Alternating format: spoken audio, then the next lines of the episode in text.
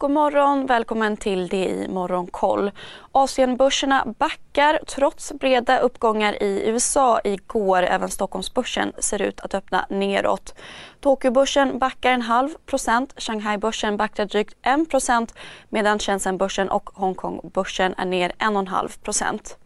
USA har tillsammans med 12 andra länder bildat ett nytt ekonomiskt ramverk Indo-Pacific Economic Framework som inkluderar bland annat Japan och Indien. Inköpschefsindex för den japanska tillverkningsindustrin sjönk till 53,2 i maj från 53,5 föregående månad. PMI för tjänstesektorn steg samtidigt mer än väntat till 51,7 jämfört med 50,7 i april. Bland bolagen har biltillverkaren Toyota Motor sänkt prognosen för juniproduktionen med 100 000 till 850 000 bilar på grund av halvledarbrist. Aktien backar ökar svagt. I USA återhämtade sig börserna något igår efter den senaste tidens börsfall.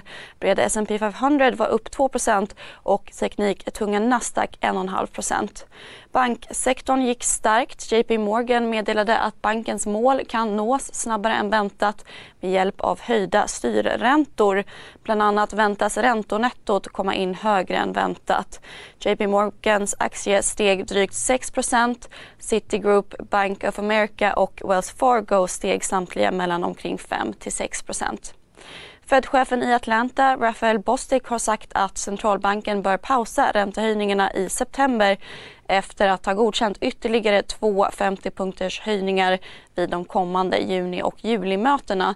Det är för att utvärdera höjningarnas påverkan på inflationen och Hej, Synoptik här. Så här års är det extra viktigt att du skyddar dina ögon mot solens skadliga strålar. Därför får du just nu 50% på ett par solglasögon i din styrka när du köper glasögon hos oss på Synoptik. Boka tid och läs mer på synoptik.se. Välkommen! Ekonomin. På bolagsfronten rasade sociala medier-bolaget Snap 31% efter att ha vinstvarnat för det andra kvartalet och meddelat att de kommer sakta ner anställningen av ny personal under året. Det är på grund av flera makroekonomiska faktorer, däribland stigande inflation. Flera sektorkollegor föll på nyheten i efterhanden. Meta backade 7% och Twitter närmare 4 så Sverige där investmentbolaget Kinnevik har sålt 50 miljoner B-aktier i telekomoperatören Tele2 till institutionella investerare. Kinneviks intäkt från transaktionen uppgår till 6,1 miljarder kronor. Investmentbolaget förblir Tele2s största ägare med ett innehav om 19,18 procent av aktierna efter affären. Vidare inkluderas Volvo Cars och Saab från och med den 1 juni i det nordiska Vinx Benchmark-indexet över de största och mest handlade aktierna i Norden. Avanza, Billerud, Korsnäs och Storskogen däremot är några av de bolag som lämnar indexet. Det efter Nasdaqs halvårsvisa granskning. Och idag är mjukvarubolaget 4C Strategies första dag för handel på First North. Erbjudandet på runt 452 miljoner kronor övertecknades kraftigt och bolaget värderas till 1,2 miljarder kronor efter kapitaltillskottet.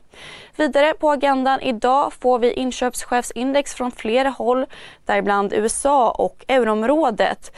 Även rapporter från bland annat djurhälsobolaget Vimian samt investmentbolaget Lundbergs och såklart även Börsmorgon 8.45.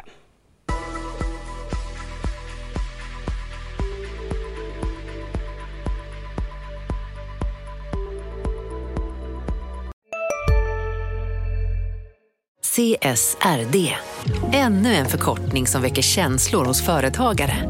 Men lugn, våra rådgivare här på PWC har koll på det som din verksamhet berörs av. Från hållbarhetslösningar och nya regelverk till affärsutveckling och ansvarsfulla AI-strategier. Välkommen till PWC. Men John, de här fakturorna, har du koll på dem eller? Att ha alla fakturor i en enda röra, det är inte Telia. Oj, vad många. Att göra det lätt att driva företag, det är Telia. Läs mer om fördelarna med att samla IT, bredband och mobilt hos en leverantör på telia.se företag.